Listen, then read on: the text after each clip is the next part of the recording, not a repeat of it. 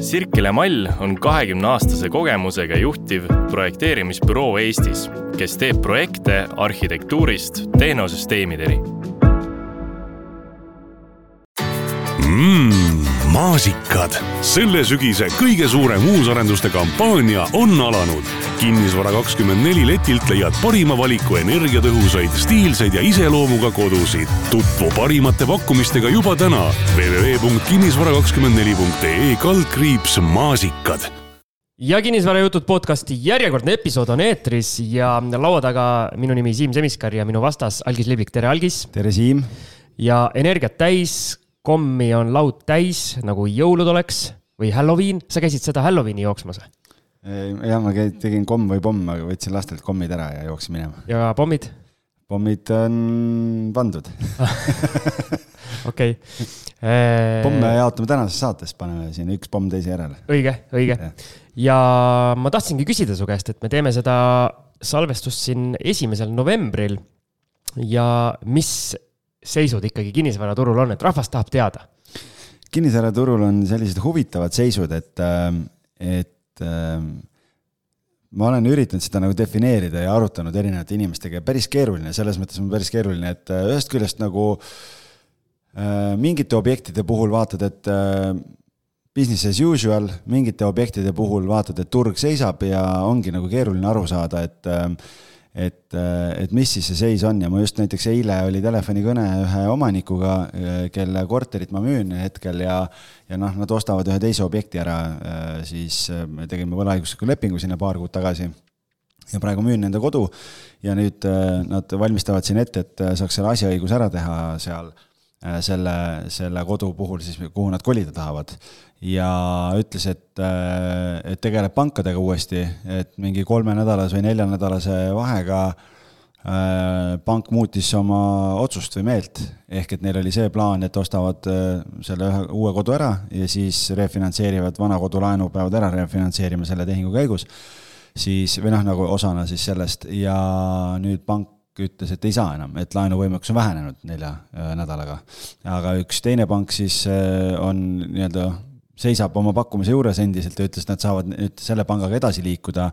aga ka ostjate jaoks on sellised suhteliselt äh, äh, huvitavad ajad, et, et ma ütlen, et kes plaanib kodu osta või, või on siin paar kuud tagasi, paar kuud tagasi käinud pangas, siis kindlasti enne, enne mingi tehingu lukku panemist peaks värske ringi pangas ära tegema, sellepärast et, et olukord võib olla muutunud, nii et ja, ja noh, üüriturul on äh, tugev ülepakkumine praegu sihuke Tallinnas kakskümmend, kakskümmend viis protsenti rohkem pakkumist kui tavaliselt ja, ja näha on, et äh, et nende korterite puhul, kus omanikud ei ole valmis hinnas äh, nagu järgi tulema, sest noh, siiamaani on üür selline olnud, siis need korterid seisavad, aga seal, kus me oleme tulnud Äh, no mingite korterite puhul, mis on kolm aastat tagasi välja üüritud, oleme suutnud ka hinda tõsta, aga valdavalt on ikkagi see, et kui ma vaatan eriti näiteks kahetoalisi, siis täna ikkagi sihuke viiskümmend eurot tundub selline kriitiline punkt või selline sweet spot, et kui tuled nagu varasema üüriga umbes viiskümmend euri alla, siis tekib kohe huvilisi ka. et äh, et investoritel ja, ja koduomanikel, kes või noh, kinnisvaraomanikel, kes siis oma kinnisvara välja üürivad, praegu on nii müümisel kui üürimisel seda kannatlikku meelt on vaja päris kõvasti.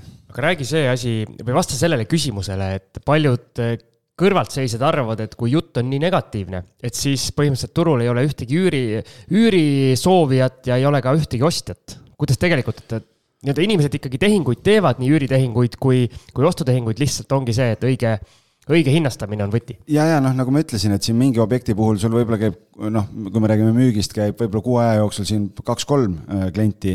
samas ma panin kolm nädalat tagasi üles ühe viietoalise üheteistruuduse korteri Tallinna kesklinnas. Ähm, ja seal on kolme nädalaga kuus huvilist käinud, on ju, et kaks-kolm klienti nädalas, mis on tänase turu juures nagu väga-väga selline noh, tore, tore nähtus. et äh, ja üüri puhul samamoodi, et noh just täna lähen näitama ühte kolmetoalist korterit, seitsesada eurot on üür, kuhu on, äh, tekkis siin ähm, paari päevaga tekkis äh, viis, viis huvilist, on ju, samas mõni teine korter jälle seisab, et noh, ma ütlengi, et see on, seal on natukene nagu see seisukord ja kõik, kõik asjad, kõik asukoht loeb, seisukord loeb, kommunaalid on aina olulisemad, on ju. Et äh, ja, ja seda ka müümise puhul, et nende objektide puhul ikkagi, kus kommunaalid on ebaproportsionaalselt kõrged täna kliendid ütlevad, et sorry, aga laenuraha ja kommod kokku on nii, nii kõrge, et no ei, ei tule välja, et, et selles mõttes on nii-öelda heas majas, täna saame, räägime ka nendest detailidest ka, on ju, et on ikkagi tervik loeb hästi palju täna, et sellist asja, et noh, pigistame kuskilt silma kinni või kuidagi nagu täna klientidel on valikut nii ostmisel kui, kui üürikorterite puhul ja, ja täna nagu sellise ligadi-logadi või kesk, keskpärase asjaga, kui just hinnaga nagu lööma ei lähe, on suht keeruline. aga räägi, kuidas maaklerite turul on, et siin levitati sellist huvitavat meemi vist. Peeter Pärtel vist. Peeter Pärtel vist. tervitused talle. jah, et Ameerika maalt, et keegi Range Roveriga äh, kinnisvaramaakler tõi siis hoopis toitu koju, et jah, et no muud tööd vähe. selles mõttes ma, ma nagu seda tohutut trendi nagu märganud ei ole, et, et meil kuidagi.... sina toitu veel vedama pole hakanud. jah, ja ise pole, ise pole pidanud vedama kuigi hakkama. kuigi üks tellimus praegu sisse tuli, eks. ja, ja just näed praegu jah, et oota, ma nägin ära korra. et, et tegelikult selles mõttes ma ei ole nagu täheldanud, et, et tohutut äh, mingit hordide liikumist oleks kuskilt kinnisvaramaaklerite sektorist kuskile mujale, aga noh, ega ma teiste ettevõtete sisse ei näe ja, ja päris täpselt seda maaklerite arvu ei tea, aga aga mina ütlen, praegu on tegelikult äh, kinnisvaramaaklerina alustamiseks nagu väga hea aeg äh, ja, ja töötamiseks, sellepärast et kui, kui meie oma laiapõhjalise turundusstrateegiaga pingutame kõvasti selleks, et kliente kohale saada, noh siis omanikul endal üksinda on ju selle võrra veel keerulisem. et kui me paar aastat tagasi ei saanud uute objektide saamiseks klientidega väga löögile ei saanud, sest kümnest kõnest äh, kuus ütles, et on juba notaris, äh, kolm oli broneeritud, üks saatis pikalt. noh, siis täna ikkagi kliendid kuulavad ära ja, ja on nagu valmis. ja saadavad siis pikalt või? noh, osad saadavad, kuulavad ära ja saadavad siis pikalt, osad saadavad kohe ka endiselt, neid on ka endiselt. aga ikkagi neid kliente, kellega nagu jutule saab, on oluliselt rohkem ja ja tegelikult, kui me noh, et on nagu maaklerite poole pealt ja tegelikult just eile tekkis ühe, ühe ostukliendiga siis, kes käis seda, seda suurt saja üheteist ruudust korterit vaatamas, tekkis huvitav äh, diskussioon ka ju sellel teemal, et äh, tegelikult need inimesed, kellel täna laenuvõimekus on olemas äh,, on ju oluliselt paremas seisus, ma olen endiselt seda meelt, kuskil tekkis meil diskussioon ka selles osas, et äh, ja see on täitsa okei okay,, kui keegi arvab teistmoodi, aga, aga minu, minu seisukoht on see, et täna on väga hea aeg tegelikult kinnisvara ostmiseks, kui me räägime eelkõige kodu, kodu mõistes, et investeerimise mõistes tootlused on, on paremad olnud kui täna, on ju, aga, aga leiab ka väga häid diile täna turult, et, et just koduostjate koha pealt, kui me räägime kodulaenust täna ja sul pangad pakuvad seal intressi üks koma viis, üks koma kuus, üks koma seitse on ju, siis äh, need inimesed, kes ostsid siin, äh, just see klient, kes käis vaatamas, ütleski, et ta ostis kolm aastat tagasi, ülihea sissetulek, kõik asjad pakuti kaks koma üks on tal praegu kodulaen.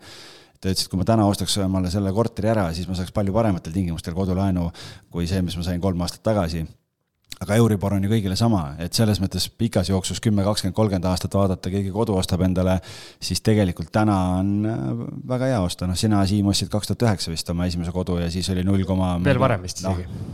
noh, ma ei tea, null koma midagi oli see, see baasintress pankadel, et noh, täna sinnamaani kukkumist veel nagu vist oodata ei ole, aga, aga ikkagi, kui paar aastat tagasi oli sihuke kaks koma kaks kuni kaks koma viis keskmine ja täna me räägime seal ühe koma kuuest umbes, siis äh, ütleks, et tegelikult on päris hea aeg turul ringi vaadata täna neile, kes äh, osta tahavad. no see on just tegelikult hea perspektiivide nii-öelda küsimus, et kui mina ostsin oma esimese kodu, siis Euribor oli napilt alla kuue ja, ja praegu ju neljaga on ikkagi päris, päris äh, nii-öelda valus inimestel, pluss siis äh, tundub, et nii-öelda taevas on maa peale kukkunud, kuna kümme aastat oli ju null nojah, aga kui sa võtad nii, et sa ostsid alla ühe oli baasintress ja Euribor oli kuue peal, on ju, siis kokku seitse ja täna keegi ostab, saab üks koma kuus ja Euribor on neli, noh kokku on samas suurusjärgus. enam-vähem, no natuke väiksem, aga, aga suurusjärgud nagu on samas liivakastis enam-vähem, et et ei, ma ütleks nii, et et mina vaatan väga huviga seda, mis turul toimub ja tööd, tööd tuleb edasi teha ja ja tehinguid toimub endiselt, et ma eelmisel kuul sai ka siin kaks korterit müüdud, et pole hullu midagi, nii et no mul kohe-kohe varsti vaja ka müügiturule siseneda, et mu see laagri flip, ma ei tea, kui palju ma siin sellest äh, saates rääkinud olen, ei ole vist väga jõudnud, kuna see on üsna uus asi. et äh, ühe mugavus flipi ma ette võtsin, kes meie Patreoni toetajad on, need on näinud äh, videopäevikut ka sellest. ma olen nüüd ju suur videopäevikute tegija, et hakkasin. hakkasin, hakkasin murduma juba siin vanas eas. ühesõnaga ja tahaks müüki panna, aga ei saa ja tead, miks ei saa või? ma olen olnud kogu aeg suur, suur IKEA fänn ja IKEA pooldaja, aga nüüd mul on ikka närv päris must, sest. nii, mis sul juhtus, üks kapinupp on puudu? no põhimõtteliselt on külmkapp puudu ja on niimoodi puudu, et et pidi tulema suure tellimusega, et lasti ära tellida, siis oli, siis oli kõik okei okay. ja viisteist minutit enne, kui kuller tuli, helistati IKEA-st, öeldi, et külmkapp ei tule kulleriga, kuna vist sai otsa või mis iganes ja öeldi, et helistatakse kohe, kui tagasi tuleb. ja juba paari päeva pärast ma vaatasin veebis, et oli uuesti nii-öelda sortimendis tagasi, justkui veebi järgi. ja see oli umbes poolteist nädalat tagasi. ehk siis, eh, ehk siis ootan, olen neile mitu kirja saatnud käisin isegi kohal, öeldi jaa, umbes kirjas on, et teile peab saatma, aga neil on vist mingid hullud probleemid seal komplekteerimises ja seal, et äh, istusin ükskord seal pehmetel diivanitel, ootasin, ootasin äh, köögikapi jalgu, mis ka tükk aega sortimendist väljas olid ja mis ka mul nii-öelda mõned päevad äh, edasi lükkas asjaajamist ja siis seal inimesed ootasid ikkagi tunde, et saaks ühe samamoodi mingi ühe kapi ukse kätte ja siis üsna, üsna palju pahameelt oli seal ruumis. ehk siis Eesti poolel komplekteerimises on mingi no, nii, kaos? et seal see klienditeenindaja, kes loomulikult milleski süüdi ei ole, nii-öelda ei ole, aga sai kogu selle jama endale kaela, nagu ikka tavaks on siis, siis üritas seal viisakalt kõigile öelda ka, et jah, et äh, on nii-öelda ilmselt alamehitatud, vaata seal, et äh, vähe töötajaid ja palju, palju tellimusi, sest noh, näha on, et iga kord, kui IKEA-st mööda sõidad, kuna see asub mul seal kodu ligidal ja ma sealt üsna tihti niisama ka mööda sõidan, siis parkla on ikkagi noh, varsti peab hakkama uut parklat ehitama. Aga nii hästi läheb, ma olen seal korra käinud äh, peale avamist, ma ei ole rohkem sinna sattunud, et äh, siis peab aega varuma, ma saan aru, kui minna ja kannatlikku meelt. no mina käin seal nii-öelda tööpäeva sees, et siis on, siis on okei okay,, aga jah, nädalavahetus me ikkagi vahest käime, käime lastega seal jäätist söömas nende lemmikkoht on IKEA, et seal saab jah, seal saab natukene nendest nii-öelda showroom idest saab, saab mängida seal mänguasjadega ja pärast saab jäätist ja. aga jah, nädalavahetus on suht võimatu, et juba see jäätise ostuks see, see järjekord on seal. sina ütled lastele, et äh, lähme natukene mängime showroom'is mänguasjadega, tegelikult ise lähed vaikselt piidled ringi ja Ei, siis ongi, äh, naine mängib lastega samal ajal. nii-öelda ühildad meeldiva kasulikuga, et mul on väga palju olnud renoveerimistel vaja mingit, mingit üksikut asja jälle kuskilt tuua siis lähme käime selle, noh, üks veidrus, mis seal on, on see, et sa lähed ühest kohast sisse ja siis tuled nagu teiselt poolt välja, et äh, muud varianti ei ole, siis käid selle läbi ja siis haarad oma asjad kaasa ja. ja siis pärast sööd jäätist ja lapsed on väga rahul. jääpalli ja. ehk siis, äh, kui ei jaksa seda mängutoa piletit kuskile osta siis IKEA ootab ja, ja minge. väga põnev vot, aga jah, ma tahan selle, selle mugavuslipi valmis saada, et põhimõtteliselt kolm nädalat on mul see korter minu käes olnud, ehk siis põhimõtteliselt sellest nüüd nädal, isegi rohkem olen niisama passinud ja.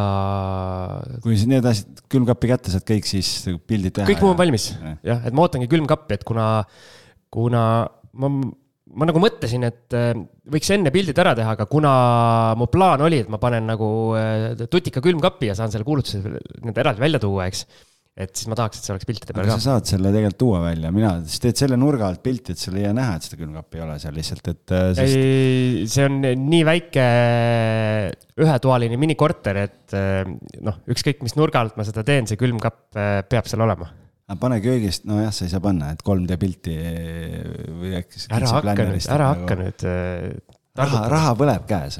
ei põleda midagi, paar paar päeva ma loodan ja siis see asi laheneb. notarilepingusse sisse, et külmkapp tuleb, noh, et müüja lubab, et tuleb ja paigaldab. ei no see on, see on selline, see on selline objekt, odava otsa väike objekt, siis kui ma panen sinna, saab tutika külmkapi kaasa, see on puhas müügiargument. ahah, okei okay., see läheb sul sinna punasega, see tekst, aa, okei.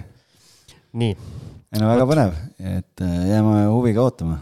on sul siia uudis, äh, uudiserubriiki veel midagi? Ei, ma arvan, et ei ole, et, et paneme ikka põhiteema juurde edasi. just, aga siis teeme väikese kõllipausi ja, ja jätkame siis tänase põhiteemaga mm,. maasikad, selle sügise kõige suurem uusarenduste kampaania on alanud. kinnisvara kakskümmend neli letilt leiad parima valiku energiatõhusaid, stiilseid ja iseloomuga kodusid. tutvu parimate pakkumistega juba täna www.kinnisvara24.ee kaldkriips maasikad ja algis keerab siin mm, meie kõigi ees mm, lumiorava veepudelil korgi maha. ja jätkame siis selle põhiteemaga täna. et äh, nagu pealkirjast ilmselt lugeda võisite, siis tahame rääkida sellisel teemal, et viis asja, mille vastu väikelinnades tegutsevad üüriinvestorid tihti eksivad ja see on nüüd puhas minu selline subjektiivne arvamus. kõik need viis asja on võetud minu enda, enda tegevusest või enda nii-öelda tähelepanekutest ja proovin mingeid konkreetseid konkreetseid näiteid ka sinna juurde tuua ja tahan siis, et Algis kommenteeriks kritiseeriks, oponeeriks. Annad sellise võimaluse mulle? ja, ja siis äh, natukene vaataks selle pilguga ka, et kas pealinnas nii-öelda eliit, eliitkinnisvara äh, hulgas siis on samad probleemid või seal selliste jamadega ei tegeleta. oled nõus? olen. nii aga esimene punkt, eh, mis minu arvates või mis viga minu arvates tehakse, on see, et ebapiisav taustatöö konkreetse linna või asula kohta.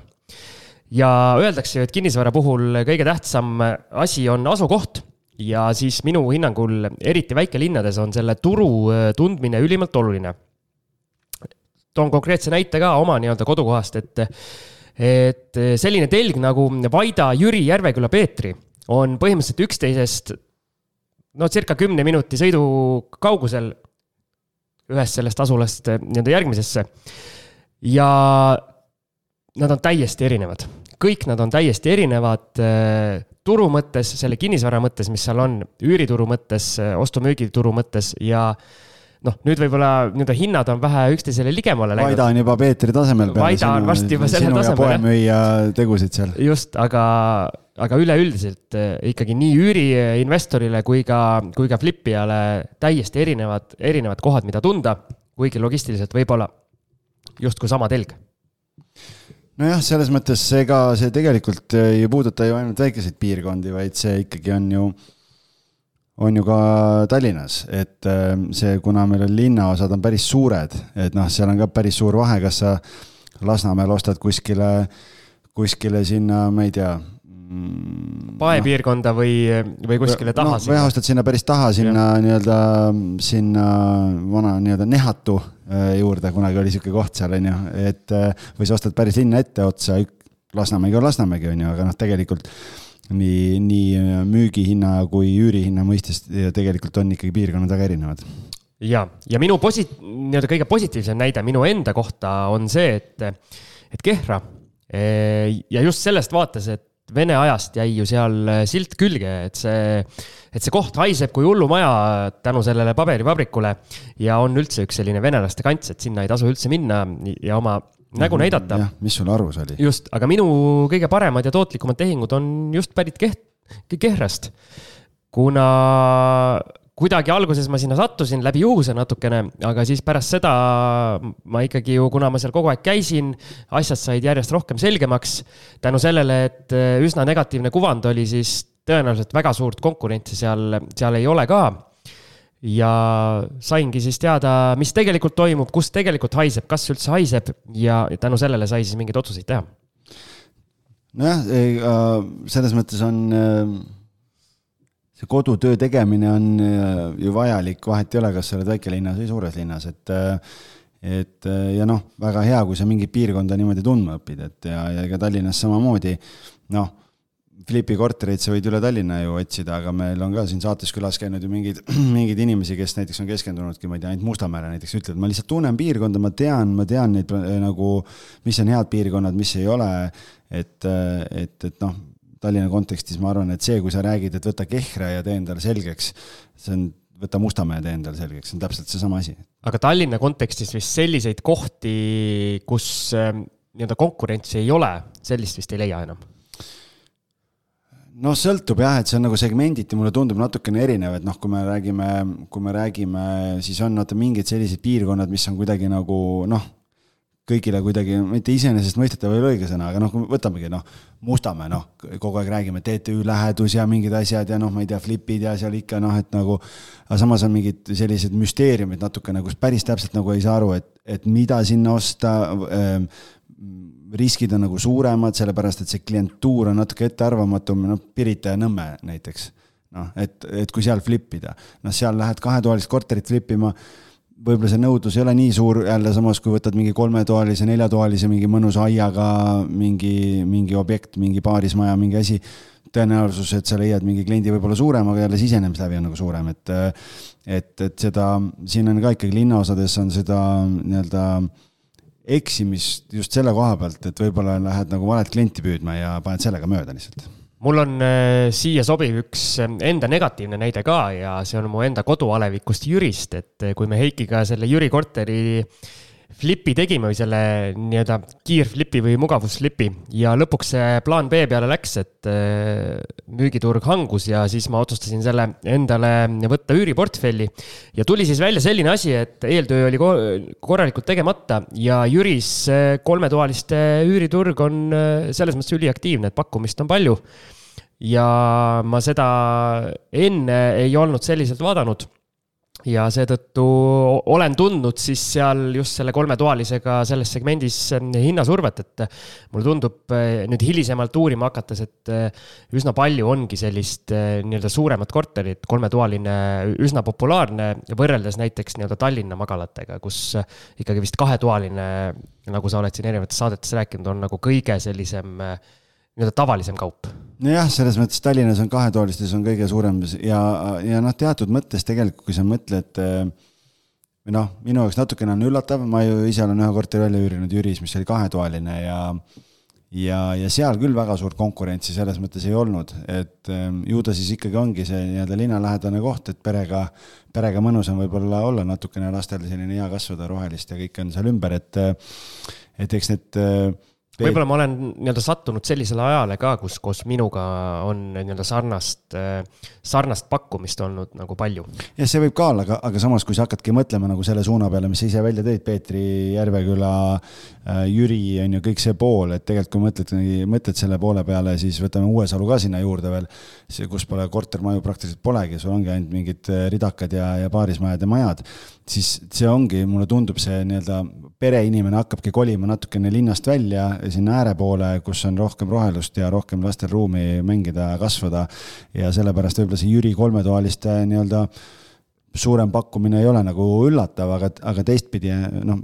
ei, mulle just tundub, miks see pakkumine on suurem, tänu sellele, et kunagi seal on eh, nii-öelda ehitatud ja planeeritud selliselt, et majades on rohkem kolmetoalisi mm -hmm. või nii-öelda suuremaid kortereid mm -hmm. versus Tallinnas, kus on võib-olla nii-öelda tavaline on ühe ja kahetoalised ja mõni, mõni üksik kolme ja neljatoaline nojah, selles mõttes huvitav äh, vaadata ju, et samamoodi, kui hakkad Jürisse mingit tehingut tegema, et võtad Maa-ameti statistika välja, siis saad ju vaadata suurust järgi, kui palju äh, mingis vahemikus tehinguid tehtud on, sealt enam-vähem saad aru, millises segmendis ka müügi osas kõige suurem nagu äh, nõudlus on ja, ja sealt saab nagu üht-teist tuletada, aga aga sind kuulates ma lihtsalt, mul tekkis nagu küsimus või mõte, et äh, aga miks sa ei ole mõelnud maha müüa seda Jüri korterit? mul on see plaan tegelikult ja., jah, aga nii-öelda tol hetkel äh, oli turg nii maas, et äh, siis ma otsustasin ta üürile panna ja ma olen mõelnud, niikaua kui üürnikud seal sees on, nii kaua ma ei torgi.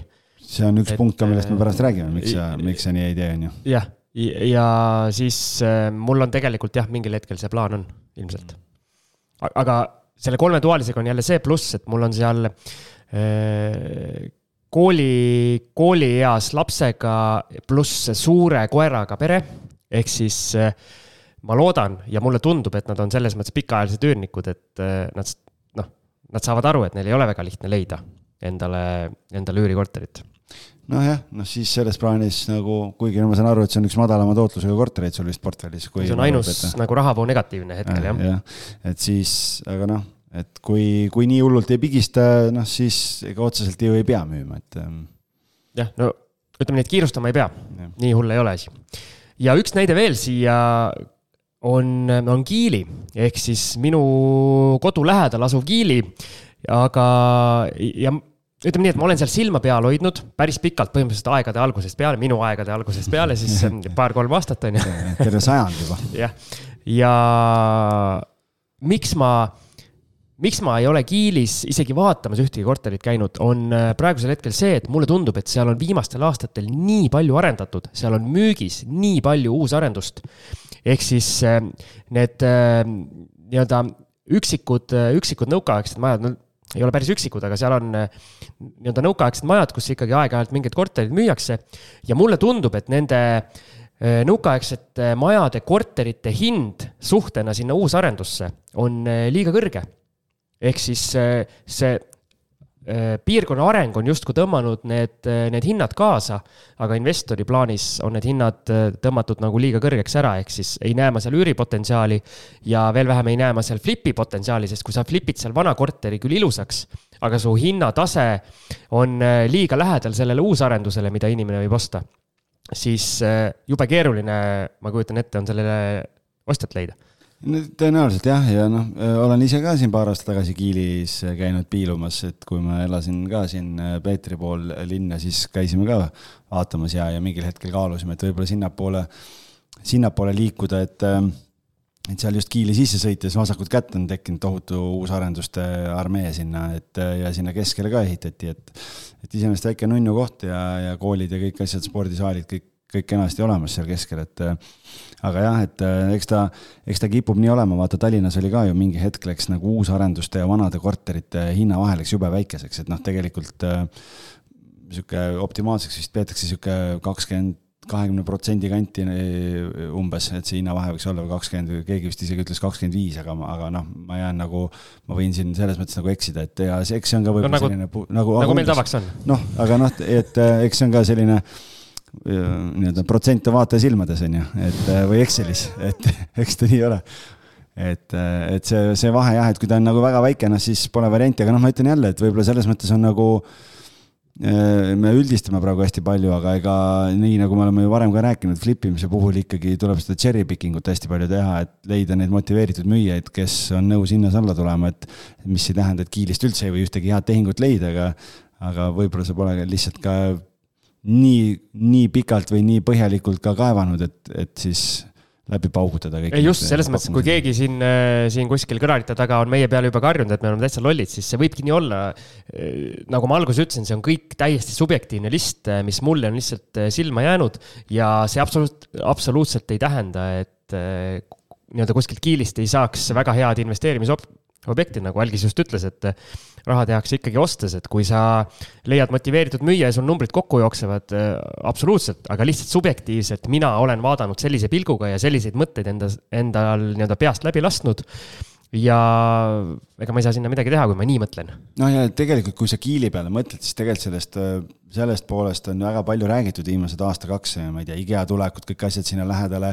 et noh, see tõmbab kogu kogu selle piirkonna arengut kaasa ja ega siis äh, kinnisvaraomanikud ei, kunagi ei taha ju odavalt ära anda, et, et, et peaks, peaks rumal olema, kui tahad odavalt minna müüma. absoluutselt. aga mis ma selle punkti lõppu tahan siis äh, nii-öelda välja käia, et minu meelest, mis on see põhiline taustatöö siis, mis peaks äh, ühes väiksemas kohas ja no tegelikult Tallinnas ka, nagu Algis ütles, peaks, peaks ära tegema lihtsalt osad punktid nii-öelda Tallinnas on iseenesestmõistetav, nagu see esimene punkt, et tuleks hinnata ühenduvust, ehk siis äh, raudtee ja neljarealine maantee on väga suur pluss oled Kind, sa nõus? ja, ja kindlasti muidugi, mida rohkem sul transpordivalikuid on, seda, seda parem ta ju on, et, et see annab inimestele selle paindlikkuse, et ja kindlasti suurema huvi selle piirkonna kohta. ma ei tea, olgu ta Keila või, või mis iganes piirkond, et.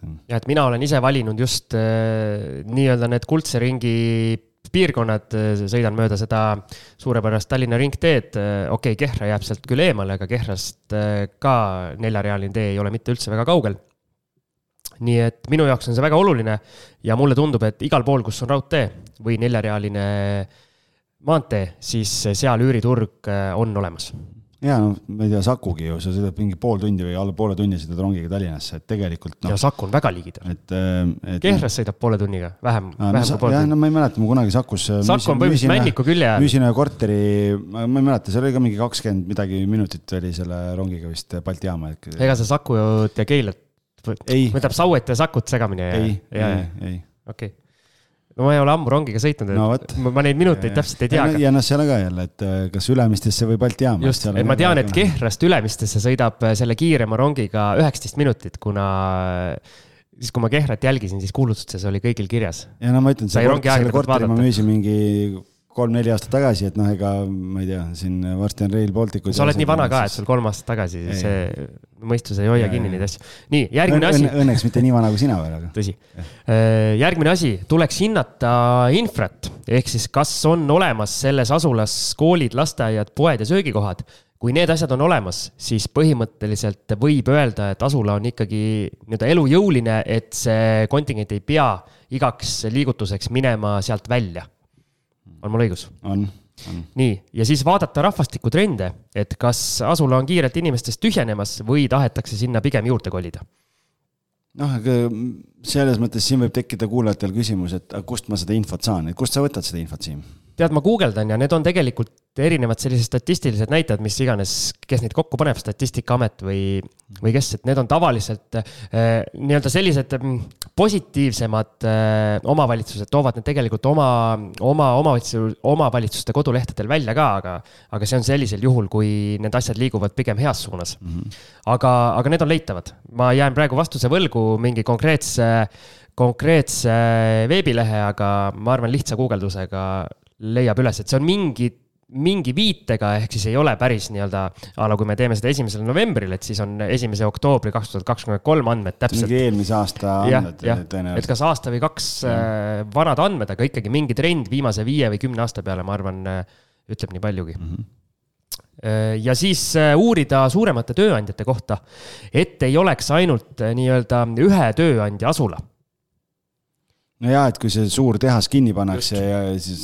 et mis siis saab? mis siis saab, et see on selles mõttes on päris suur risk, et et, et aga noh, ütleme nii, et ega ma mõtlen, et kui palju selliseid asukohti on, kus on nagu väga ühe ühe ettevõtte keskne, ma mõtlen just nagu Tallinna ümbrust. no esma, esmapilgul seesama Kehra äh, võiks tunduda, et see suur paberivabrik on peamine tööandja, aga seal lähemal uurimisel tegelikult äh, ümber Kehra on päris palju äh, muud, muud tööstust ja nii-öelda toimetamist ka.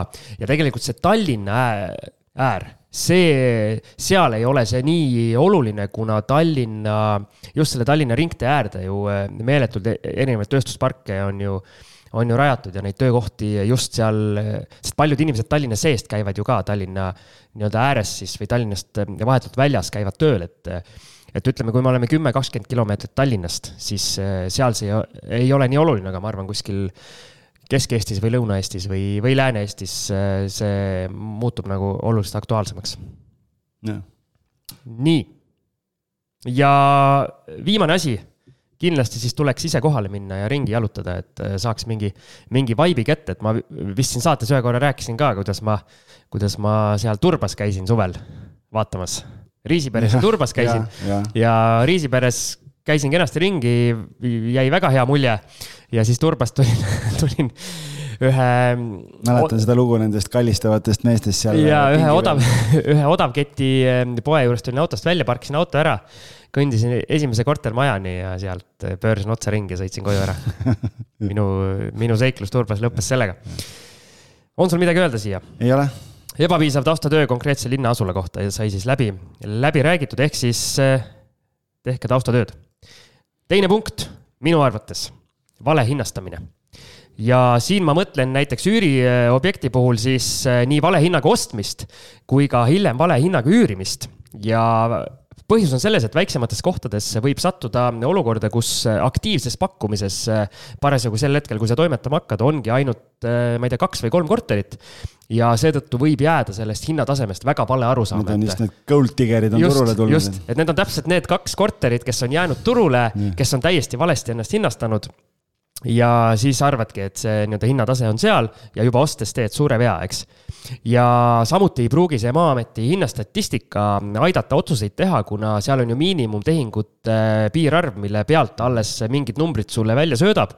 ja siis võib nii juhtuda, et sa pead selle perioodi liiga pikaks venitama, ma ei tea poolteist aastat või kaks aastat või mis iganes ja siis, kuna seal võib see turg olla täiesti erinevalt nii-öelda käitunud, siis äh, sellist objektiivset pilti enam ei saa.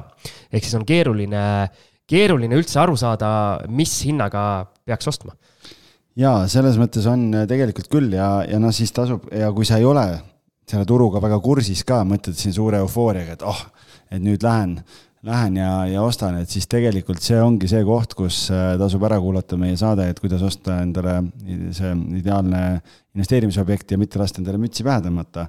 et kui sa kohale lähed, mis küsimusi küsida ja, ja kõik see pool, et tegelikult äh, kui kohale minna ja küsida õigeid küsimusi, siis sa võid saada ju teada selle, et kui kaua see müügis on olnud, miks ta müüb, kõik need asjad, sa näed selle müüja meelestatust, noh, ja seal võib olla see et tegelikult äh, on äh, see objekt on turul olnud, ta on valesti hinnastatud, teised asjad on ära ostetud ja seal võib juhtuda see olukord lihtsalt, et äkki sa hoopis oled õigel ajal õiges kohas, ehk et võib-olla see omanik on mõelnud, et ei, ma ei saa, ma ei saa, ma ei saa ja siis ta, sa teed talle pakkumise ja ta võtab selle vastu. sa võid olla ainuke, kes on üldse vaatama tulnud. just, just ja et seal võib olla, sest noh, ma, ma vist mingis saates meil tõin selle näite ka, kuidas osa omanikke mingitel hetkedel on ülijäigad. et äh, siin kolleeg müüs korterit äh, sada seitsekümmend viis tuhat vist või sada seitsekümmend üheksa alustasid.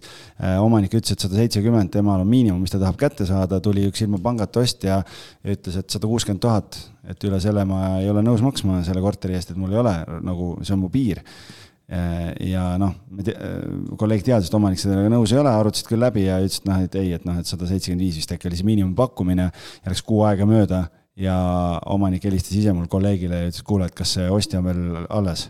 et ma olen saja kuuekümnega nõus. et noh, see mega suur kukkumine, et tegelikult oleks oleks äh, varem olnud paindlikkust, oleks tulnud sealt saja seitsmekümne viie peale, võib-olla saja seitsmekümne ühe peale kuskilt, oleks tegelikult võinud ka rohkem teenida.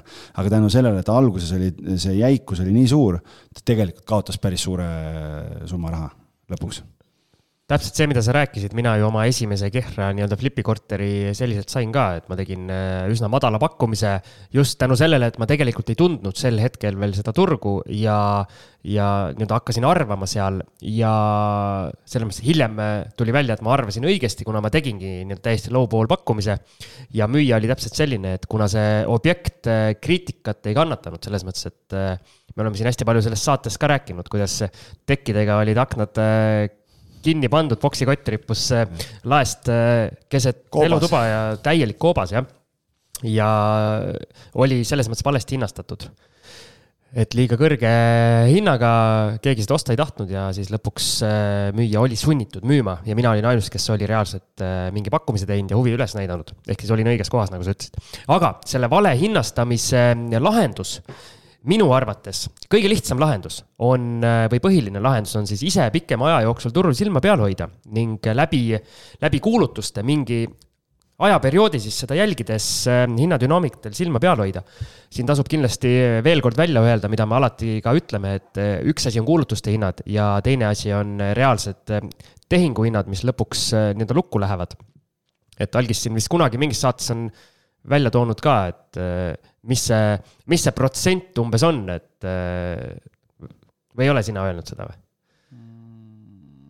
kuskil keegi on öelnud, et ikkagi mingi selline võib-olla viis protsenti võib julgelt alla võtta. noh, selles mõttes, et no ma ütlen jälle, et see sõltub hästi palju müüjast, et noh, ütleme, et see on kuskilt uudistest läbi käinud ja et selline nii-öelda pakkumishinna ja või noh, selle nii-öelda küsimishinna, müügihinna ja tehinguhinna vahend, et kuni viis protsenti isegi võib-olla.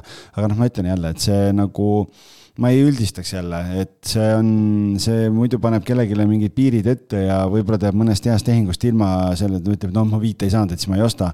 et seal tuleb ikkagi objektipõhiselt vaadata või, või noh, nagu see eelmine näide oli, on ju, et saja seitsmekümne üheksaga müüd ja saja kuuekümnega ostetakse, et noh, et sealt on üle kümne protsendi on see, see vahe, on ju. sest olen minagi ostnud äh, selle hinnaga, mis äh, kuulutus on üles tulnud, täpselt sellise, sellise põhjendusega, et ma olen aru saanud, et müüja on selles mõttes valesti hinnastanud, et ta on eh, liiga madala hinna pannud, ta ei ole aru saanud vist, eh, mis tema nii-öelda vara reaalne väärtus on ja ma olen olnud järgmine päev kohal sealsamas Kehras. Eh, järgmine päev kohal ja käed löönud, kuna minu arvates tuldi vale hinnaga turule. ja tegelikult veel üks asi, mida sa saad teha enne kui sa lähed vaatama või kui sa käid vaatamas ära, ise vaata, kuidas tunne on. et kui sul ongi ainult need kaks objekti näiteks seal kuskil, et siis Vasa äh,, mitte Vasalemmas, Assalamaal äh,, Assalemmas. Assalemmas jah, Assamallas või Vaidas vaatad, et on kaks kuulutust ainult, siis kui sa näiteks noh, ma olen KV-s praegu siin, ma ei ole süvenenud, kas kinnisvara kahekümne neljas või City kahekümne neljas on see võimalus, aga KV-s sa saad osta ju kuulutuse ajalugu saad vaadata, et see on tasuline teenus, see on kolm üheksakümmend üheksa ja sa saad osta selle ja sealt sa näed ära millal äh, see kuulutus üles on pandud, kas see hind on muutunud, kui palju ta on muutunud, kõik need asjad, et sa näed seda ajalugu sealt. ja kui on näha, et omanik on pool aastat äh, hoidnud seda hinda, see võib olla indikatsioon, et A, kas ei, olegi väga valmis läbi rääkima või B, kuskilt peab see tulema see kriitiline hetk, kus ta, tuleb see murdumise punkt. või variant B on see, et sa näed ära, et ta on juba ma ei tea, kümme tuhat alla tulnud hinnas, et ilmselt hakkab kiireks minema, et võib-olla on sealt variant veel midagi saada. Aga nagu oleme siis rääkinud, et minul on erinevate asukohtade peal koputajad nii müügi kui üüri, üürikuulutustel ja sellega ma proovin siis oma sihiks olevates asulates eh, justkui turutunnetust hoida, sest eh, muidu on niimoodi, et tol hetkel, kui mulle sobiv objekt müüki tuleb, ongi võib-olla siis kaks, eh, kaks korterit veel ja siis oleks nagu keeruline hakata tol hetkel hindama. Vot nii, aga üks asi, nii. no korra tuleme tagasi, me näiteks võtsime praegu ühe täiesti suvalise objekti võtsin lahti. Äh, Haapsalus mingi, mingi objekt on müüa siin, mingi maja on ju, kaks magam-, esilehed lihtsalt suvalisele kuulutusele klikkisin ja ma võtsin nüüd lahti selle kuulutuse nii-öelda ajaloo, et kui tahad osta, siin on müügiajalugu, hinnaajalugu, aktiivsed kuulutused. Sellel aadressil, siis sa näed ära kui palju seal mingi suur maja näiteks, et mitu kuulutust selles samas majas on, varasemad kuulutused samal aadressil, kas ja, ja siis sa näed, millal kuulutus on avaldatud. Äh, ja, ja siis siin on näiteks praegu vaatan selle konkreetse objekti puhul näitab hinnaajalugu sulgudes on neli. et ma ei tea, kas see nüüd näitab konk selle konkreetse objekti puhul või see on lihtsalt siia näitena toodud, aga oota, ma korra vaatan, ma võtan ühe teise objekti lahti, ma ei ole niimoodi enne, enne analüüsinud, see on huvitav info tegelikult võib-olla, kui keegi, keegi hakkab nüüd uurima, nii, teine, võtame mingi suvaline teine maja siin, okei okay,, see Raasikul, nii, ja võtame sel-, ja siin on hinnaajalugu näitab kuus. ehk et. kuus korda muudetud. jah, et see juba annab sulle mingi indikatsiooni, et okei okay,, et midagi on toimunud, on ju, ja, ja siis saad sealt natukene siis juba kodutööd teha.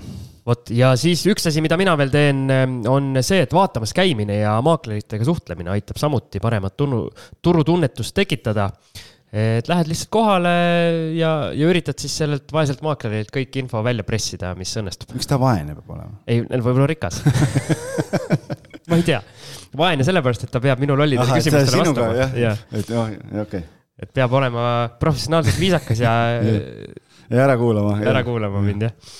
nii, aga kõige parem variant, mis küll ka maksab, on see, et lasta siis see enda soovitud objekt ära hinnata ja hindamisaktis on ju äh, näha ka mingi perioodi äh, seal piirkonnas tehtud tehingud, ehk siis äh, saab nagu väga konkreetse pildi ette ja kõige parema pildi, et mis hinnaga mingi asi liikunud on. et saab ju hiljem need, need kuulutused, mitte aktiveeritud või mitteaktiivsed kuulutused väikese guugeldamise oskusega hiljem ka üles leida. et see hindamisakt on muidu, maksab sihuke paar-kolmsada eurot, aga aga tegelikult äh, kinnisvarabürood pakuvad ka sellist äh, nii-öelda äh, one-pager hinnangut vist. lahendust, et see on nagu eelhinnang jah, et. aga kas seal tulevad ka, seal ei saa seda? sa ei saa, nii teed, nii põhjalikku ei saa. seda teiste aga, tehingute ajalugu ei jah, saa? aga sa saad ikkagi nagu selle indikatsiooni kätte, selle, et kas ta on adekvaatne või ei ole. et noh, seda täishindamisakti võib-olla pole mõtet kohe tellida, et okei okay,, kui sul on nüüd see plaan, et sa hakkad hakkad äh, siin, ma ei tea, Jüri või Vaida või, või äh, Riisipere moguliks ja võtad selle piirkonna ette ja ainult seda jälgid ja, ja siis seda seal uurid kui sa tellid ühele objektile ära, sa saad sealt need võrreldavad tehingud kätte, siis äh, kui on väiksem piirkond, ega neid tehinguid seal nüüd äh, nii palju ka ei tehta, et sa saad tegelikult arvestatava ajahorisondi tehingute info kätte ja see on väga hea benchmark, millest siis edasi lähtuda, kui sa järgmiseid objekte külastad ja. kui sa sellises asulas juba teed mingit tehingut, siis sa mingil määral teed ise seda turgu ette endale ja,. jah, jah, nii nagu sina Vaidas tegid või Kehras. Kehras jah ja.. nii, kolmas punkt kehv objekt. see on äh, nii-öelda pealkirjana hästi lai, aga mida ma siin mõtlen äh, näiteks. siin meie kuulajad ei osta kehvasid objekte. ei no ma räägin, mis eksimusi tehakse, aga ainult meie, ainult meie kuulajad ei investeeri. paljud in investorid, kes ongi vähem teadlikud, ei kas kuula. mõni investor, kes meid ei kuula ka veel või? no need, kes ei saa, saa asjadega hakkama võib-olla ah,, okay. nad ei ole isegi jõudnud meieni okay.. mõistad? see on juba suur eksimus, vaata. kõik need on morsipidu. selle oleks pidanud panema esimeseks siis, et ei kuula kinnisvara ette. jah, jah, see oli mul boonuspunkt ära riku ära, okei okay.. Äh, mida ma selle kehva objekti all mõtlen, on näiteks viies korrus, viiekorruselises majas. halvas korras maja, kehv asukoht antud asula lõikes. Et äh, minu soovitus, minu isiklik, täiesti subjektiivne soovitus on, et väiksemates kohtades ei tohiks teha suuri järeleandmisi kortermaja korrasoleku ja asukoha osas. et kui Tallinnas, kus sul see likviidsus on ikkagi, ikkagi oluliselt suurem, sa saad äh, võib-olla silma kinni pidi, nii-öelda pigistada mingite asjade suhtes rohkem, veidi rohkem, siis väikses kohas ikkagi äh, ikkagi see oleks liiga suur risk minu, minu arvates. tead, ma isegi ikkagi ütlen Tallinnas ka, et see ikkagi aina, aina olulisemaks muutub see maja seisukord ja. ma kohe oponeerin sulle, aga räägi lõpuni. seesama objekt, vaata, mis ma kirjutasin sulle mm,. noh, suvaline viimase aja näide, noh, see sada üksteist ruutu korter on ju, et äh, iseenesest äh, nagu korter on äge, kõik on tipp-topp, aga maja, suur maja äh,, üle saja korteri ja fassaad mõraneb äh, kuidagi selline, näeb rõdud ja kõik noh, näha, et väsinud, väsinud. Ja inimene tuleb, ostab tervikut, et äh, okei okay,, kui sul on trepikojad, noh näiteks just eile leidsin üürniku ühele korterile, äh, üksteist korterit on maja, kivimaja fassaad on kohutav, trepikojad on kohutavad, ühistu on aastaid rääkinud, et tehakse, aga noh, nii kallis teha üheteist korteriga. Ja ja päris tükk tegu oli, et sinna üürnikku leida, et äh, korter ise on hea ja lõpuks nüüd need üürnikud, kes tulevad, ütlesid, et tead, meid väga see maja seisukord ja trepikoda ei huvita, sellepärast et noh, palju me seal, palju me seal käime, et, äh, et me oleme ju korteris ja korter ise on väga hea. aga kui keegi tuleb ostma siis tema vaatab kogu tervikut ja vaatab seda perspektiivi ja kui sa hakkad mõtlema selle peale, et okei okay,, et siin on tegemata, on mingid asjad ja huvitav, kui suur see laen on ja noh, näiteks teine maja, ma müün ühte korterit, äh, kus äh, poolteist aastat ootab ühistu Tallinna linnavalitsuse taga, et saaks projekti lõpuks nii-öelda kõik kooskõlastused ja asjad peale, et nad saaksid teha fassaadi ja trepikojad ja kõik muud asjad ära. ja haldusfirma ütles mulle, et, äh, et koroona ajal võeti pakkumine nende tööde tegemiseks on umbes kolm miljonit eurot aga selle ju korteriomanikud maksavad rõõmsalt kõik kinni ja kujutad nüüd seda remondifondi või laenu ette. ehk et see on tegelikult äh, üli, ülioluline asi. ja, sest äh, sa oled ju minuga nõus, et kui maja on praeguses nii-öelda praegusel ajal väga halvas korras, siis see peegeldab väga hästi, et sealne ühistu ei ole absoluutselt tegevusvõimeline. ja mida aeg edasi, seda suuremaks need probleemid kuhjuvad ja seda kallimaks äh, omanikele see lõpuks kujuneb, aga miks ma ütlesin, et ma tahan oponeerida sulle, on see, et Tallinnas ikkagi eh, lõpuks, kuna selle kinnisvara väärtus on ikkagi piisavalt suur, siis mingil hetkel need asjad, asjad lahenevad. selles mõttes, et need majad renoveeritakse ära, sest mida, mida nii-öelda kallima kinnisvaraga piirkond, seda vähem on neid räämas maju, oled sa nõus minuga? välja arvatud siis jah, sellised nii-öelda erijuhtumid, kus renoveerimine ongi mingil veidral põhjusel väga kallis, on seal vähe kortereid, aga maakohas, kui sa oled juba täiesti rääma lasknud, siis seal on veel keerulisem, kuna neil inimestel reaalselt ei ole seda raha, et kinni maksta. Ja reaalselt seal ei ole sellel kinnisvaral nii suurt väärtust ka, et eh, nad võib-olla mõtleksidki, et noh, et teeme selle pärast korda, et siis sellel kinnisvaral väärtus veel tõuseb, et me noh, nii-öelda saame justkui jõukamaks varaliselt. ja, ja ma olen nõus, aga noh, selles mõttes, et äh, ma isegi ütleks, et sa ei oponeeri mulle, sest ma olen müünud viimase, viimase kolme-nelja kuu jooksul päris mitu korterit, mis asuvad sellises majas, et no hoia peast kinni.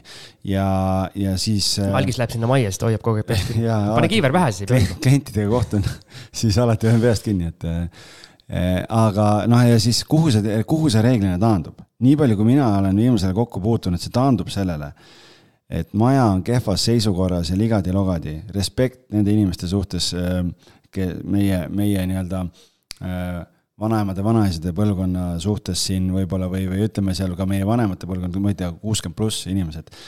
reeglina taandub probleem sellistes kehvades majades sellele, et sama ühistu või ühistu liikmed on olnud kolmkümmend pluss aastat, nad on seal kuuskümmend, seitsekümmend ja siis äh, Nendel puudub motivatsioon neid asju teha, eh, nad ei jaga projektide kirjutamisest midagi, et rahasid kaasata, eh, kõik sellised asjad, eh, noh, ja, ja oh, teeme natuke siit, teeme natuke sealt ja lõpuks ei tehta mitte midagi. ja just seesama, kus ma rääkisin, see kolm miljonit, et võeti pakkumine, seal see haldusfirma ütles, et ta on, nad on kaheksa aastat vist selle majaga seotud olnud. Ja ta ütles, et nüüd viimase paari aastaga on õnnestunud välja, noh, üks juhatuse liige, kes on mingi seitsekümmend üheksa vist äh, vana, on veel alles seal, aga ülejäänud on kõik kolmkümmend, nelikümmend ja ta ütles, et nüüd viimase kahe aastaga lootusetust olukorrast on selle maja perspektiiv päris palju lubav, et see sõltub ülipalju ikkagi sellest, kes seal juhatuses on ja tihti taandub sellele, et, et kui neid, neid igavesti seal, seal juhatuses olnud inimesi sealt ära ei suuda kuidagi kangutada, siis need asjad jäävadki tegemata, aga me oleme sellest ka varem rääkinud, et see on nii tänamatu töö, et mitte keegi ei taha minna sinna juhatusse. Et seda peab kindlasti kontrollima, et äh, seda ühistu poolt, et mis on plaanis, mis on tehtud, miks ei ole tehtud, mille taga need asjad on, et kui see on juhatuses kinni, noh siis sorry, aga, aga see on selline lõputu õudus. eks see on arusaadav ka, seesama kaheksakümne aastane mõtleb, et noh, et palju tal ikka elada on jäänud. mis mul siin enam just, on. et ja pluss siis veel see, et nad on tulnud sellest, nii-öelda sellest ajastust, kus on palju hullemaga hakkama saadud kui väike mõranev nii-öelda fassaad, et suva oleme siiamaani hakkama saanud, oleme selle Nõukogude okupatsiooni üle elanud, asi see siis siin. aga meil just eile tehti postitus kinnisarjutajate Facebooki gruppi, ma seda tervet postitust ei hakka ette lugema, et ühesõnaga põhimõtteliselt, et kas keegi teab kedagi, kes oleks valmis teostama Tallinnas parandustöid kuueteist korteriga puumaja katusele. ja lisainfoks raha uue katuse jaoks ei ole, ideaalis võiks uue katuse ehitada koos pööninguga väljaehitamisega, sada protsenti rahvast nõusse ei ole võimalik saada. ehk see näitab, elementaarsed asjad on tegemata, remondifondi ei koguta, noh, kõik selline ettenägelik äh, mõtlemine on, on puudu. ja need ongi, siis on seesama, vahet ei ole, kas on Tallinnas kuueteist korteriga puumaja või see on Vaidas mingi neljakümne korteriga maja või Assamalas seal kaheteist korteriga, et probleemid on samad, lihtsalt küsimus ongi selles, et kui täna hakata koguma neid asju ja siiamaani midagi ei ole, siis see on päris pikk protsess lihtsalt, et jõuda sinna, et sa saad üldse midagi tegema hakata. ehk siis siia kehva objekti punkti alla mul praegu tuli mõte, et tuleks lisada ka eh, kehv korteriühistu. ehk siis paljud eh, probleemid, eh, mis selle objekti kehvusega seotud on, algavad just siis ühistust. ja, ja vastupidine näide, mul üks maakleritest just ostis oma esimese investeerimiskorteri ja ostis sellisesse majja Kristiines vana paneelmaja, A-energia klass, päikesepaneelid, kõik asjad ja värgid. päike paistab kogu aeg. ühistul on probleem Neil on äh, kogutud remondifondi üle viiekümne tuhande ja neil ei ole mitte midagi teha selle rahaga. ja nüüd nad arutasid ühistu koosolekul, kuhu seda raha panna ja nüüd see pannakse kuskile hoiusesse. et teenida raha. vot see on ühistu. vot see on probleem. vot see on, see on raha palju. teistpidi probleem, on ju, jaa. sellisesse, sellisesse majja ma ei läheks, ärge minge sellisesse majja, kus on raha üle. jaa, et nagu kohutav. kohutav, õudne okei, äh, ühesõnaga kokkuvõttes on see, et kui äh, maja on nii kehv ja midagi tehtud ei ole, siis äh, sina üürileandjana esiteks pead hakkama lahendama mingeid probleeme, mis tegelikult lõpuks on ühistu probleemid, et sul hakkavadki kuskilt. katus lasebki läbi no.. katus laseb läbi, püstakud hakkavad, hakkavad läbi laskma, mis iganes, see ei ole otseselt sinu probleem, aga lõpuks pead sina sellega tegelema, kuna üürnik helistab sulle, ütleb, et kuule, et mul siin tilgub või. külm on. külm on ja mis iganes, et nii-öelda proovige eos selliseid asju vältida. ja lisaks halvas majas või halvas korras majas tõenäoliselt on juba tänu küttele talvel ikkagi kommunaalid kõrgemad. eriti, eriti võrreldes, võrreldes nendega, kes on õigel ajal õigeid toetusi kasutades oma renoveerimised ära teinud juba selle nii-öelda madala intressiga keskkonna suur osa laenu on juba praeguseks võib-olla makstud. ja ühel hetkel kui ikkagi jõutakse sinna, et maju renoveerima hakatakse, siis äh, tuleb see nii-öelda mm, kulu sisse võtta igal juhul ja kui see intressikeskkond laenu võtmisel on kõrge, siis, siis need, siis need kulud ongi kõrgemad ja tulebki selline, selline objekt lõpuks välja, kus on äh, neli või viis eurot ruutmeetri peale on äh, remondifond koos selle laenu tagasimaksega ja, ja mitte keegi ei taha sul seda üürida. Ja, ja siis sul ongi see valik, et okei okay,, ma maksan remondifondi ise aga kui sul on neljakümne ruudune korter, sa maksad neli eurot ruutmeeter, see on sada kuuskümmend eurot. Sorry, äh, see tähendab seda, et. Ähm, ja kui sa oled veel kuskil Kehras ka, selle korteri üür on ja. näiteks kolmsada viiskümmend, sa maksad äh, pool, äh, maksad ja. remondifondiks sellest üürist. et selles mõttes nagu ikkagi üürikinnisvara ostes kommunaalid on A ja O, et see on nagu, see on, see on väga palju olulisem isegi kui see, kui palju sa seda üüri saad, kas sa saad üüri kakskümmend viis eurot rohkem või vähem, aga kui sul on kommunaalid viiskümmend või sada eurot kõrgemad kui nagu keskmiselt võib-olla naabermajades kuskil on, siis see on automaatselt probleem sul kohe. just, ja minu tunnetus on, et väiksemates kohtades on äh, väiksemate üürisummade puhul üürnikud äh, kommunaalide osas isegi veel tundlikumad kui Tallinnas. oled nõus?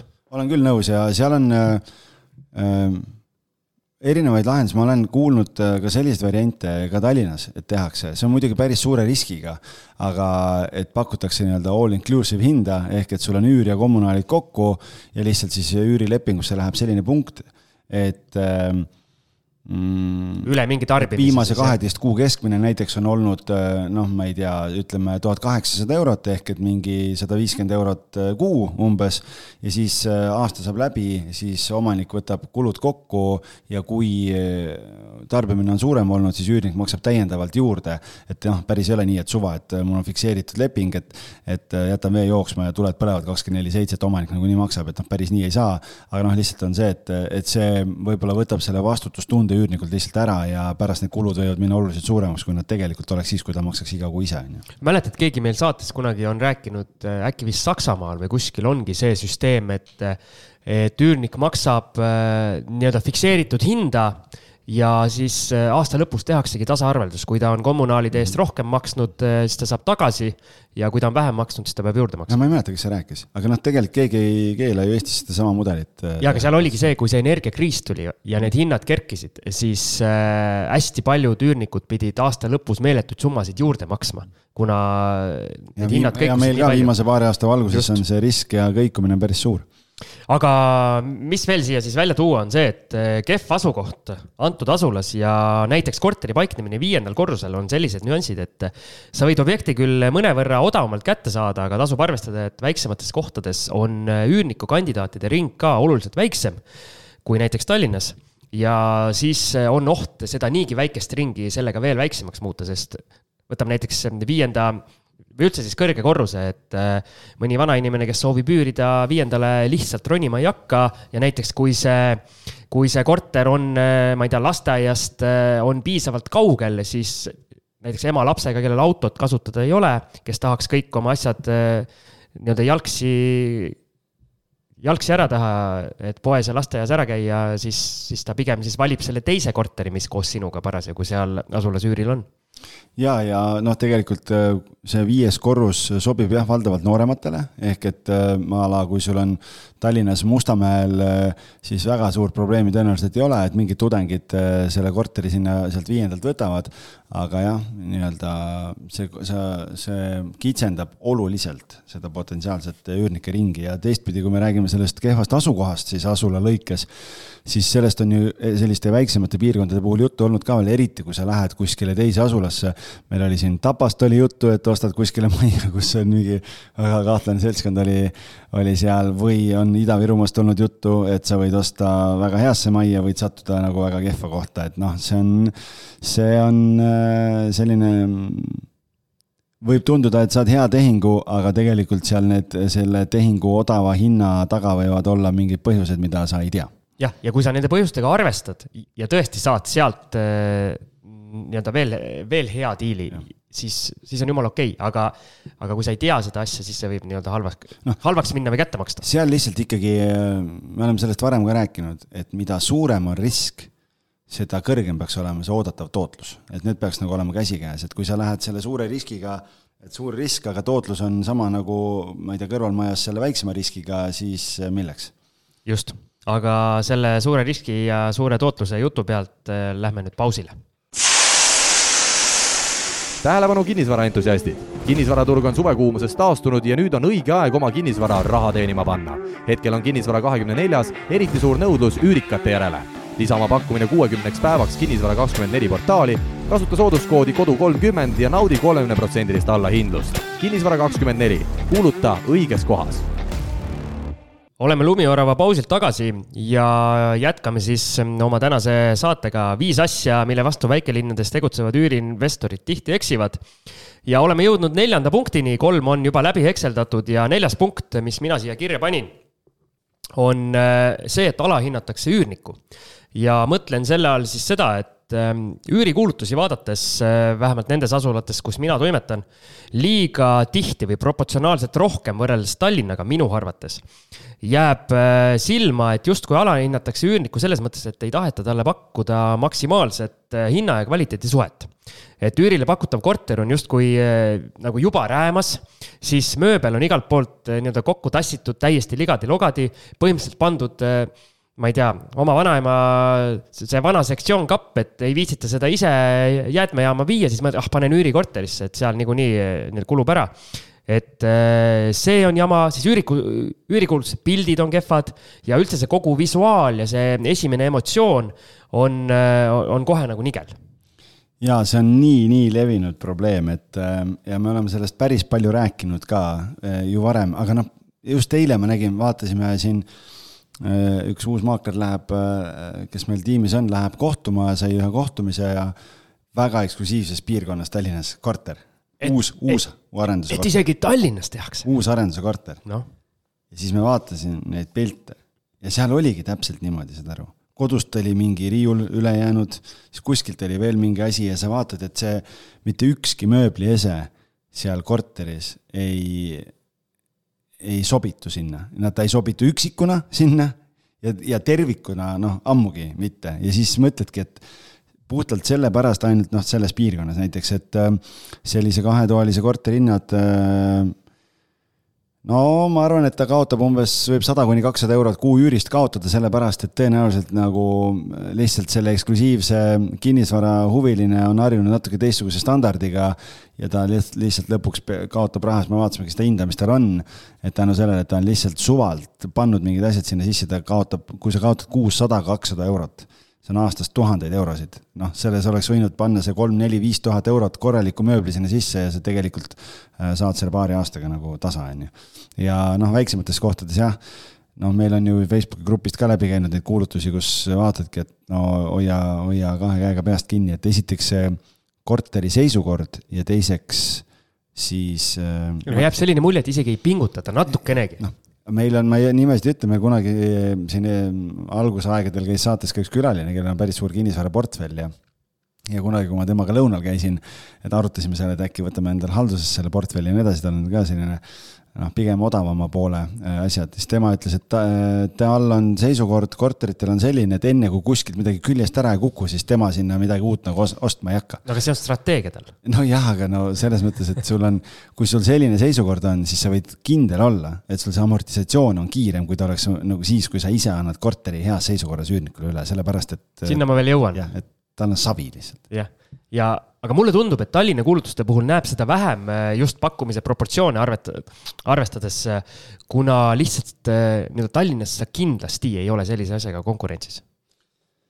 Ei no kindlasti, ei, muidugi ei ole, noh, et selles mõttes, et kui sul on keskpärane korter või kehva korter, siis hind on madal ja sa saad selle, noh, kuidas ma ütlen, madalama otsa üürniku ka siis aga väiksemal turul, äh, eriti siin vahepealsetel aegadel, kui kõik asjad läksid põhimõtteliselt üürile, ükskõik, panid mingi kuudi, panid välja, siis äh, see võeti ka ära. et justkui ei olnud nagu vaja pingutada, et äh, olid ainus pakkuja üldse turul näiteks, siis, siis inimene oli sunnitud lihtsalt sinu juurde tulema, et see võib-olla on mõned äh, üürileandjad natukene mugavaks ka muutnud. nojah, aga samas on see, et et äh, samas äh, Facebookis on ju päris palju gruppe, kus on, äh, ma ei tea, loed ja, ja imestad nende probleemide üle, kuidas kuidas, millises seisukorras inimestele korterid üle antakse ja, ja kuidas. ja siis imestatakse, et saadakse veel kehvemas seisus ja, tagasi. jah, ja, ja, ja seal on nagu see, et et noh, sihuke tunne nagu ma ei tea, paneks inimese lauta elama, et noh, et ma ei tea, lamp vilgub laes õrnalt kuskil nagu kõik on ämblikuvõrke täis ja kuidagi noh, selline nagu. mul on see suhtumine. see ei ole nagu kodu. ja, et ole õnnelik, et sa sellise asjagi saad. et ma lasen su katuse alla, umbes selline ja. suhtumine on, aga et nagu ma ei ole päris kindel, et et kinnisvara väljaüürimisel peaks nagu sellise, selliste eeldustega seda asja tegema. et me oleme siin ka rääkinud, minu üks põhistrateegia on see, et tahan pakkuda parimat hinna-kvaliteedi suhet, et väikestes kohtades minu arvates ei ole ka hea strateegia see, kui sa lähed tegema kõige fancy mat asja, ehk siis eh, seda kõige-kõigemat nii-öelda vinti üle keerama, et sa ei pruugi saada sealt sellist, sellist eh, nii-öelda nagu rahaliselt seda väärtust tagasi, mis sa sinna sisse paned. aga mina just üritan seda hinna-kvaliteedi suhet suhet pakkuda, et võimalikult madala hinnaga võimalikult hea hea ja ilus kodu. meil on halduses üks korter, ma rääkisin mingis mõni saade tagasi ka sellest, ma ei mäleta, kus meil sellest juttu oli, aga äh, Lasnamäel üks, äh, üks äh, ühetoaline korter, millest on siis tehtud väike kahetoaline. üürnik elas seal sees üle kolme aasta, kolis välja, noh, lihtsalt on näha, et ta on natuke väsinud ja noh, amortiseerunud. ja siis me arutasime omanikuga, et noh, mis me teeme seal. et noh, Ken tegeles meil sellega ja, ja siis me arutasime, et noh, et täisremonti hakata seal tegema, et kuna tal oli mingi kolmkümmend kolm ruutu äkki, noh, ega sa ei küsi kolmesaja üheksakümne asemel kuussada, noh, et lihtsalt kuskilt läheb see elementaarne piir et kui palju sul on mõistlik sinna korterisse sisse panna ja siis me, noh, me väike, jah. ma ütlen sulle vahele, mingil hetkel ongi, oletame, sa oled täielikult ära renoveerinud korteri ja ütleme, viis aastat on seal paar üürnikku sees elanud, siis minu meelest tekibki selline, selline moment, et huvitav, mis nüüd teha, tegelikult korter hakkab juba nii-öelda vananema. mul selle Valdeku korteriga oli nüüd, nüüd täpselt samasugune küsimus, et mida ma teen, et kas noh, ei ole mõtet veel ju nii-öelda täisreno teha, sest siis sa kogu aeg, kui sa iga viie aasta tagant teed, siis sa lihtsalt kaotad raha aga siis natukene tulebki nii, võib-olla oma nendes äh, nii-öelda põhimõtetes järel tulla, aga see, sa saad pakkuda seal kergelt väsinud korteris ka ikkagi natukene värskendada, korralik mööbel, et kõik oleks puhas. oligi, me korralik koristus uh,, uus diivan, mingid nipet-näpet asju veel ja neljasaja viiekümnega läks ülesse ja meil Aimaril oli, ma ei tea, mingi nelikümmend huvilist või midagi, et noh, tegelikult oleks võib-olla saanud natukene veel küsida, aga kuskilt läheb see kriitiline piir. aga tegelikult noh, kuuskümmend eurot kuus lisaks, tegelikult seitsesada eurot aastas, ma arvan, seal mingi paar tuhat läks, et tal ongi paari-kolme aastaga jälle on nagu, siis on jälle see otsustamise koht, et pead tõenäoliselt jälle midagi, mingi, mingi osa nagu tegema. et, et see peab hästi palju nagu kalkuleerima, aga jah, et et lihtsalt, kui sa lähed seal tegema, oleks teinud seal täisremondid, asjad ära kõik, pannud seal, ma ei tea, kümme-viisteist tuhat eurot sisse sinna noh, ja siis hakkad vaatama, et okei okay,, saad nelisada üheksakümmend, noh, sada eurot, tuhat kakssada eurot aastas, noh, siis maksad kümme aastat on tasuvusaeg, noh, nagu doesn't make sense. et äh, ükski üürniku ei oota, et kõik korterid oleks värskelt renoveeritud, kui nad sinna sisse kolivad, aga üks asi, mille, mida miskipärast paljud inimesed nagu alahindavad üürileandjate poolelt just minu meelest, on see, et puhtus kui sa teed ka sellises väsinus, väsinud korteris väga korraliku koristuse, siis äh, see näeb väga hea välja. Ja, ja piisab sellest, et värvid mingi ühe kõige laiema seina ära ja, ja annab juba värske ilme või vahetad tapeedi ära seal, aga ja, ja teine asi veel, noh, nii lihtsad asjad mm, ma ei tea, köögikapi uksed on ju, üks on ühtepidi viltu, teine teistpidi, kuskilt midagi ei jookse siini peal korralikult, kui sa neid korda ei tee. ta elab seal veel, see uus üürnik elab seal aasta-kaks sees, sa võid kindel olla, et ühel hetkel see kapi uks murdub eest ära ja uut kööki osta on oluliselt kallim kui see, et sa oleks õigel ajal need kruvid kinni keeranud ja hoolitsenud selle eest, et korter on korras. või siis elektripistikud on vaikselt mingi seinast välja tulnud, et ja. Äh, pane need korralikult seina tagasi ja sellised mingid lahtised listud mm. Need väiksed asjad, mis, mis tihti isegi mingit raha ei nõua. ja oluliselt ilusam pilt. just. nii, ühe, ühesõnaga, ärge alahinnake üürnikku, pakkuge, pakkuge talle maksimaalset hinna-kvaliteedi suhet, ütlen mina. ja see on väga hea point. nii, ja viies punkt, mis minu meelest, ma ei tea, kui palju seda Tallinna kuulutuste puhul kohtab, aga kuidagi eriti viimasel ajal ma olen sattunud väga palju selliste äh, objektide otsa, mida müüakse ja üüritakse samaaegselt. aga siin me jõuame tagasi sinna Jüri korteri juurde, mis me alguses rääkisime, vaata, et noh, et sa enne ütlesid, sa enne müüki ei pane, kui nii-öelda üürnik annab teada, et äh, lähen ära.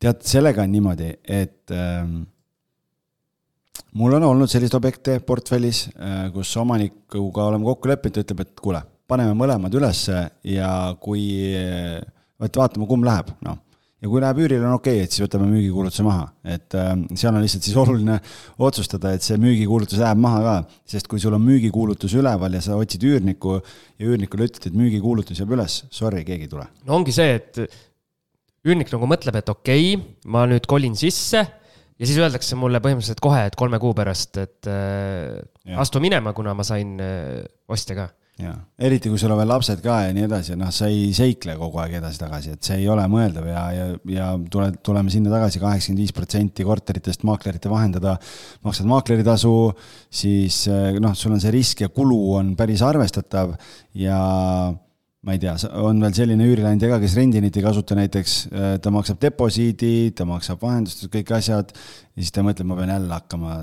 nagu nende asjadega tegelema, uut kodu otsima, sinna on deposiiti vaja, sinna maksan enne deposiidi ära, kui ma saan selle praeguselt kätte, noh.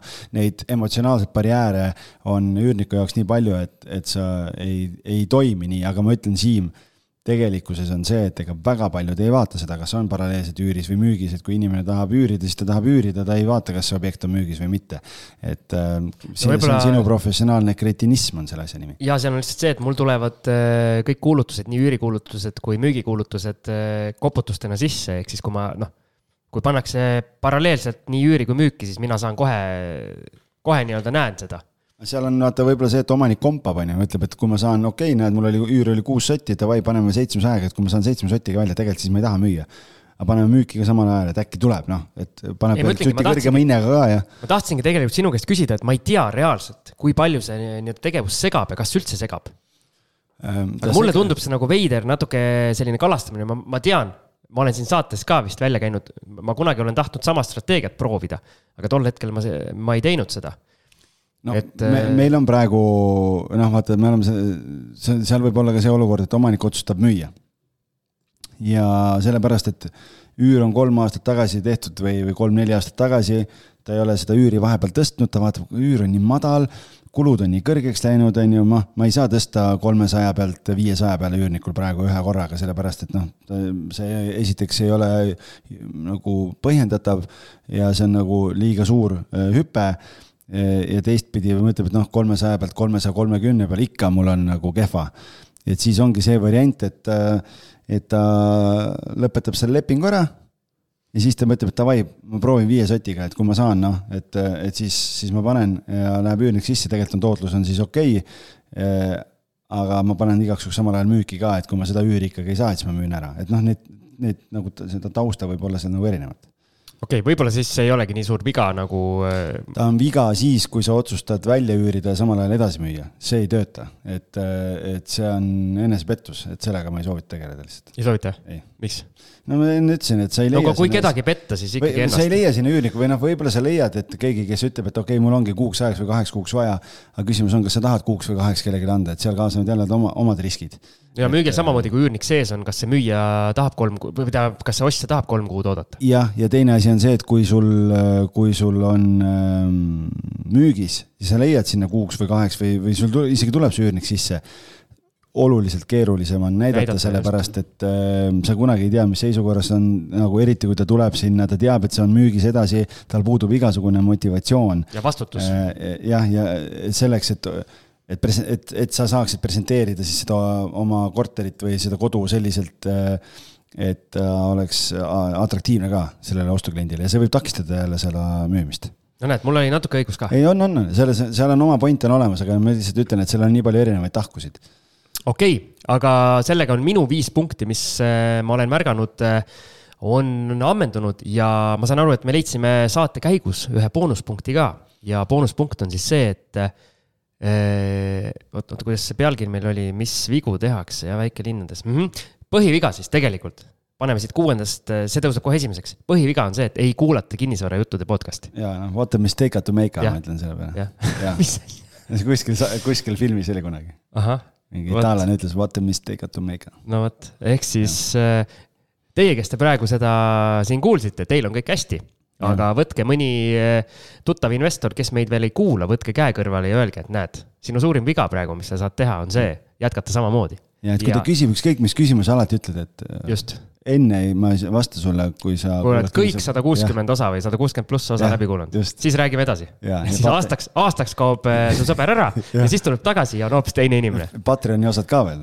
Siis tal aastaks siis tal ikka seda kuulamist. just, nii et äh, algis tõi hea punkti välja, et minge Jah. Patreoni, vaadake seal ka ringi. ja, kust saab? Patreon.com kaldkriips kinnisvarajutud. just, just, et sinna on ka kogunenud päris, päris jõhker ajalugu juba, saateid. ja seal on saateid, ma ei tea, viiest minutist kuni poole tunnini välja, nii et väga erineva pikkusega ja, ja seal on siis reeglina sellised teemad, kus kõik külalised ei taha kõiki asju avalikult suurele ringile rääkida ja seal saab neid kõik kõige mahlakamaid lugusid, õppetunde ja edulugusid siis. pluss äh, viimasel ajal on saanud ka minu seda, minu koledat lõusta näha. videopäevik, jah, jah, just. et kasvavat reality staari saab vaadata seal. jah, jah, et äh, paljaks ma ei võta aga, aga korterid võtan küll päris ribadeks. väga hea, väga hea, asi seegi. asi seegi, aga ma tänan algis sind, et sa said Jaa. appi tulla oma Tallinna väga, teadmistega. väga huvitavad äh, punktid äh, tõid välja, nii et, et loodame, et kuulajatel oli kasu. ma loodan, et keegi natukene saab, saab mingeid mõtteid, kuidas oma asja edasi ajada ja kindlasti ajage asja edasi ja kuulake meid ka. olge tublid, tšau. tšau Sirkele Mall on kahekümne aastase kogemusega juhtiv projekteerimisbüroo Eestis, kes teeb projekte arhitektuurist tehnosüsteemideni. Mmm, maasikad. selle sügise kõige suurem uusarenduste kampaania on alanud. kinnisvara kakskümmend neli letilt leiad parima valiku energiatõhusaid, stiilseid ja iseloomuga kodusid. tutvu parimate pakkumistega juba täna www.kinnisvara24.ee kaldkriips maasikad